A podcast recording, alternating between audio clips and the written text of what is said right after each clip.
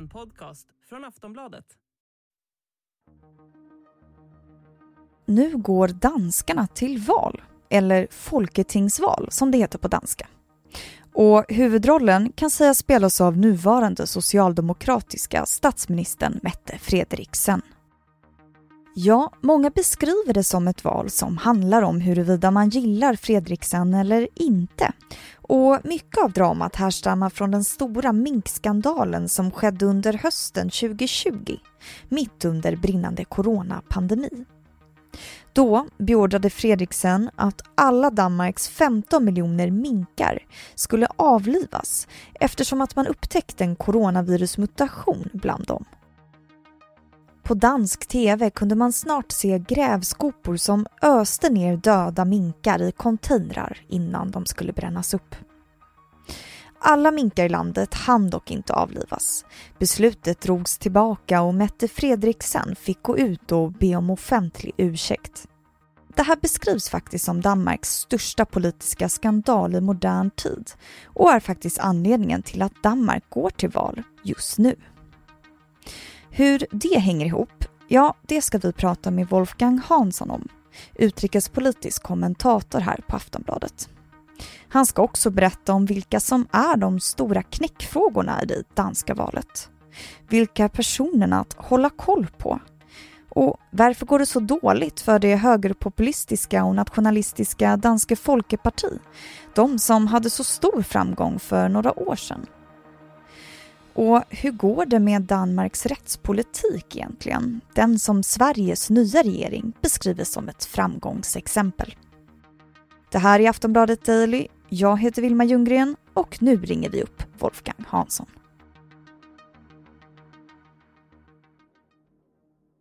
Hej Wolfgang, direkt från Köpenhamn. Hejsan. Danmarks nuvarande statsminister Mette Fredriksen utlyser ju val nu, men det beskrivs som en timing som hon själv kanske inte hade önskat. Kan du berätta om bakgrunden till varför det blir val just nu? Ja, det är ju så att i Danmark så funkar det så att det är det regerande partiet och statsministern då som själv kan välja när eh, hen vill ha eh, ett val inom vissa ramar då. Det ska ju vara inom de här stipulerade fyra åren och hon hade på sig till eh, i sommar, nästa sommar, eh, att utlysa nyval. Men nu blev hon tvungen att göra det därför ett av hennes koalitionspartier, Radikale Venstre, de hotade med att lämna regeringen ifall hon inte utlyste nyval. Och då hade det ju ändå blivit så, så att eh, då bestämde hon själv datum och bestämde liksom att ja, nu, nu, nu ska vi ha val. Även om det inte kanske är det bästa läget för henne. Och varför är inte det bästa läget för henne? Det beror på den här, det som kallas minkskandalen. Och det var ju så att under pandemin så gick det ju, fick de ju uppgifter om att det hade spridits något nytt eh, virus, eh, coronavirus, eh, bland minkarna i Danmark. Och det är en jättestor industri i Danmark, minkindustrin. Och då gav Mette Fredriksson order om att alla minkar i hela Danmark skulle avlivas för att undvika att det här skulle sprida sig. Eh, men dels visade det sig att det kanske inte var så farligt som man först trodde och dels visade det sig att det var ett olagligt beslut. Regeringen hade inte rätt att fatta det här beslutet. Eh, vilket ju då var väldigt pinsamt för henne eh, som statsminister. Och det här har liksom eh, spilt över väldigt mycket på henne trots att danskarna annars tycker att hon gjorde ett väldigt bra jobb under pandemin och, och skötte det bra så, så har den här minkskandalen eh, förstört mycket av det för henne och, och för Socialdemokraterna. Så nu när det ändå är val då, vilka är de stora valfrågorna skulle du säga? Ja, för, för, en gångs skull så är det inte invandringspolitik eh, eller kriminalpolitik utan eh, när jag var runt idag och, och, pratade med danska väljare här i Köpenhamn så var det två frågor som återkom hela tiden och det var eh, sjukvården, hälsovården och så var det klimatet. Det var de två frågorna. Och så, en, en tredje fråga var ekonomin eftersom det är precis samma sak här i Danmark som det är i väldigt många andra länder i Europa att man har väldigt hög inflation. Eh, det är väldigt mycket som har blivit väldigt mycket dyrare. Det är elräkningar som blir våldsamt dyra, räntor som höjs och så vidare. Så att det problemet har Danmark gemensamt med, med övriga Europa och, och västvärlden. Och vilka partier står emellan då? Ja, det är väldigt rörigt kan man säga i Danmark. Det är 14 partier som ställer upp i valet. Oj. Eh, och det är inte helt enkelt att förstå vad, vad alla partier, olika partier står för. Eh, och eftersom de, de, har en gräns eh, för att komma in i Folketinget, det, det danska parlamentet, på 2% så är det också väldigt många små partier som, som lyckas ta sig över den här spärren. Så att eh, det, tittar man på en sån här eh, cirkel med vilka partier som eh, kan tänkas bilda regering efter valet, en på vänstersidan och en på högersidan, så är det väldigt många sådana här små eh, staplar på, på respektive sida. Eh, men de stora partierna, det är ju Socialdemokraterna på, på vänstersidan och ett parti som heter Vänster som, som märkligt nog är ett eh, borgerligt parti då. Det är de två som står emot varandra. Och, och sen har det kommit in en, en ny joker i det här, en, ett tredje parti som är helt nytt som heter Moderaterna och som framställer sig som ett mittenparti. Man vill inte säga om man är borgerlig eller om man är tillhör vänstern utan man vill bilda en mittenregering. Och eh, det här har gått väldigt bra för det här partiet och det beror förmodligen på att det är en före detta statsminister, Lars Løkke Rasmussen, som har startat det här partiet. Han var ju med i Vänster förut, men nu har han startat det här partiet istället. Och han ser ju ut att få någon slags vågmästarroll eh, efter valet. Hans parti ligger runt 10-11 procent i opinionsmätningarna. Det talas ju lite om att en bred mitt skulle kunna ta hem det här. Vad, vad tror du om det?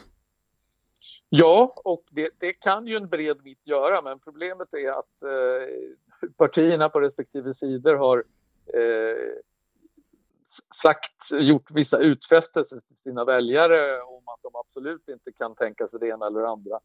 Eh, som Vänster till exempel har, har avfärdat och även en del av de andra borgerliga partierna har avfärdat att de skulle kunna bilda någon slags mittenregering med Mette Fredriksson som statsminister. Och det är oklart om de kan tänka sig en sådan med, med Löcke Rasmussen som statsminister. Så att, eh, den enda som har omfamnat den här idén, förutom eh, de här nya partiet Moderaterna då, det är Socialdemokraterna som nu på slutet har, har svängt och sagt att de kan tänka sig en, en bred mittenregering för att man behöver breda majoriteter i det här svåra läget som Danmark befinner sig i nu med både internationella kriser och, och inhemska kriser. Eh, men eftersom det inte verkar finnas några andra partier på den borgerliga sidan som vill samarbeta med Socialdemokraterna eh, så kan det bli väldigt svårt. Och Socialdemokraterna har också villkor för det här samarbetet. Att de vill ju naturligtvis att Mette Fredriksson ska bli statsminister eftersom de är största parti.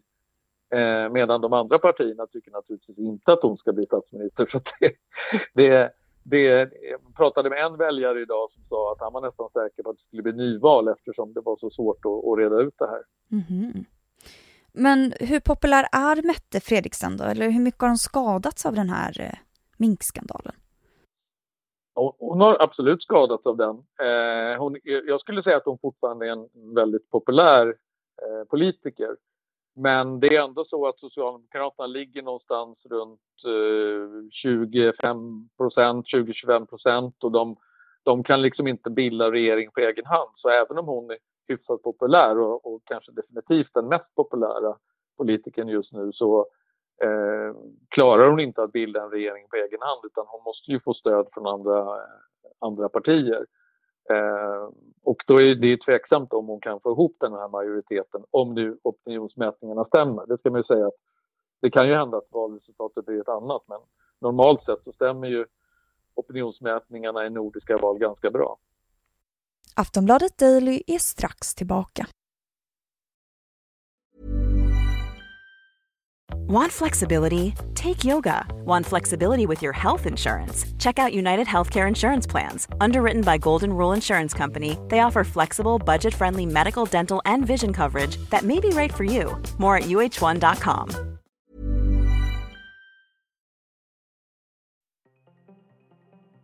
I Europa så har ju högern och extremhögern gått framåt de senaste åren. Och i Danmark har det på vissa sätt inte sett annorlunda ut. År 2015 så blev det nationalistiska och högerpopulistiska partiet Dansk Folkeparti landets allra största med 21 procent av rösterna. Men så hände någonting. Dansk Folkeparti tappade stort och i valet år 2019 fick de bara hälften av rösterna och mandaten. Och nu verkar det som att de kanske till och med balanserar på Danmarks 2% gräns. Vad var det som hände egentligen? Vi hör Wolfgang Hansson igen.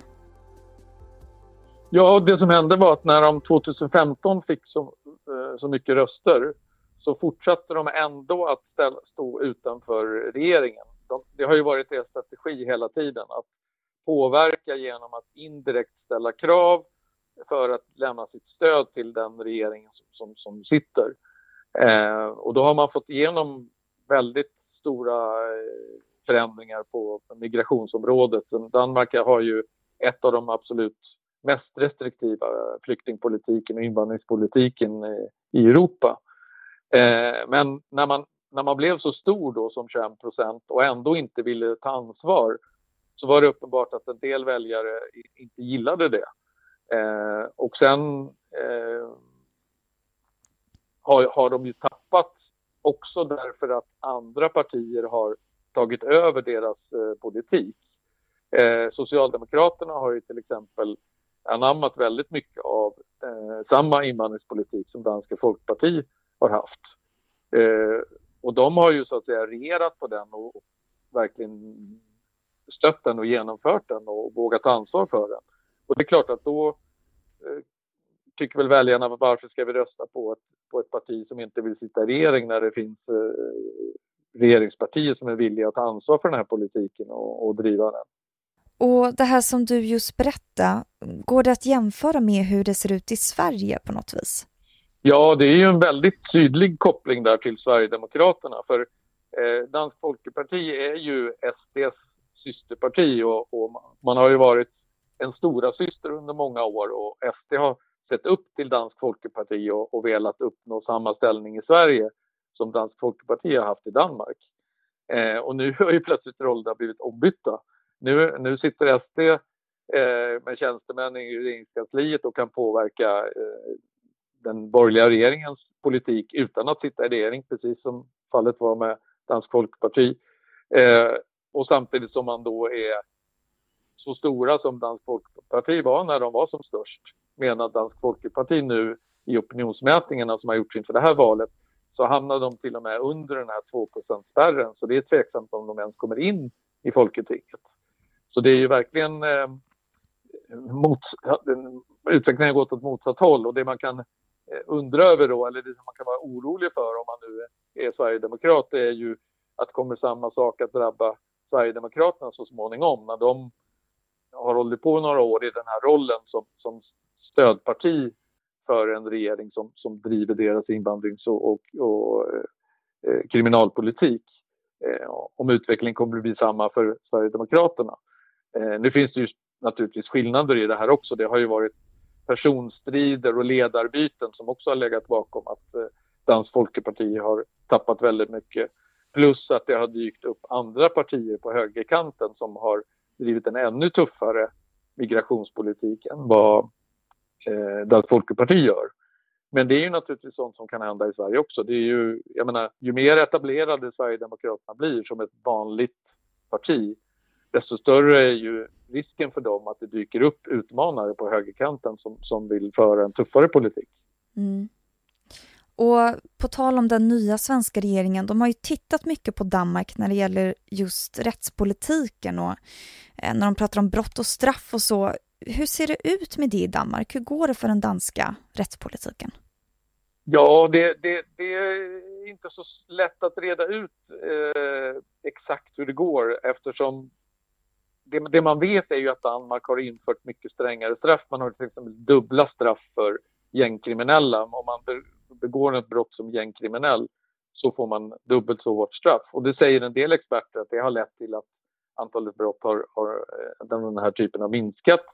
Medan andra säger att det inte har det. Så att det, jag, jag kan inte eh, säkert säga hur det går men bilden är ju definitivt den att eh, Danmark har lyckats bättre än Sverige på det här området.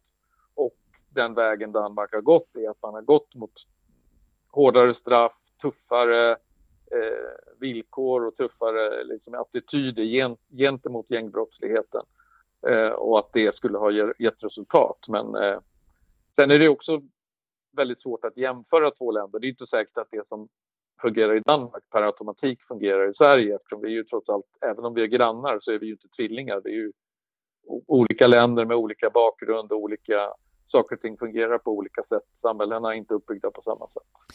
Valet väntas ju också bli jämnt och precis som det var i Sverige så väntas det väl ta lite tid innan en regering väl är på plats? Ja, eh, om, om valresultatet blir som opinionsmätningarna förutspår så kommer det att ta tid eftersom det inte finns, kommer att finnas någon klar majoritet för någon deras sidan. Utan det blir ju sannolikt då den här Lars eh, Löcke Rasmussen från Moderaterna då som kommer att få någon slags kungamakarroll här och, och beroende på vem han ger sitt stöd till så kan den sidan få ta hand om statsministerposten. Eh, och det, han är ju känd som en väldigt tuff förhandlare. Så att det, många tror att det kommer att kunna ta väldigt lång tid innan, innan det här är klart. Du har lyssnat på Aftonbladet Daily med Wolfgang Hansson, utrikespolitisk kommentator här på Aftonbladet. Jag som har gjort det här avsnittet heter Vilma Ljunggren och tack för att du lyssnade så hörs vi snart igen.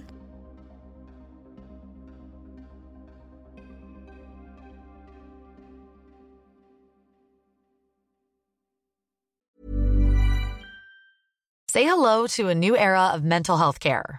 Cerebral is here to help you achieve your mental wellness goals with professional therapy and medication management support. 100% online. You'll experience the all new Cerebral Way, an innovative approach to mental wellness designed around you. You'll get a personalized treatment plan from a therapist, prescriber, or both in a safe and judgment free space.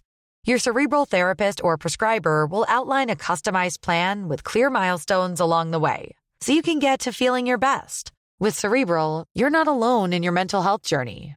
We're here to empower you to live a fulfilling life. So take that first step towards a brighter future and sign up today at cerebral.com slash podcast and use code ACasts to get 15% off your first month. Offer only valid on monthly plans. Other exclusions may apply. Offer ends July 31st, 2024. See site for details. Du har lyssnat på en podcast från Aftonbladet. Ansvarig utgivare är Lena K Samuelsson. Tired of ads barging into your favorite news podcasts? Good news. Ad-free listening is available on Amazon Music. For all the music plus top podcasts included with your Prime membership. Stay up to date on everything newsworthy by downloading the Amazon Music app for free or go to amazon.com slash news ad free. That's amazon.com slash news ad free to catch up on the latest episodes without the ads.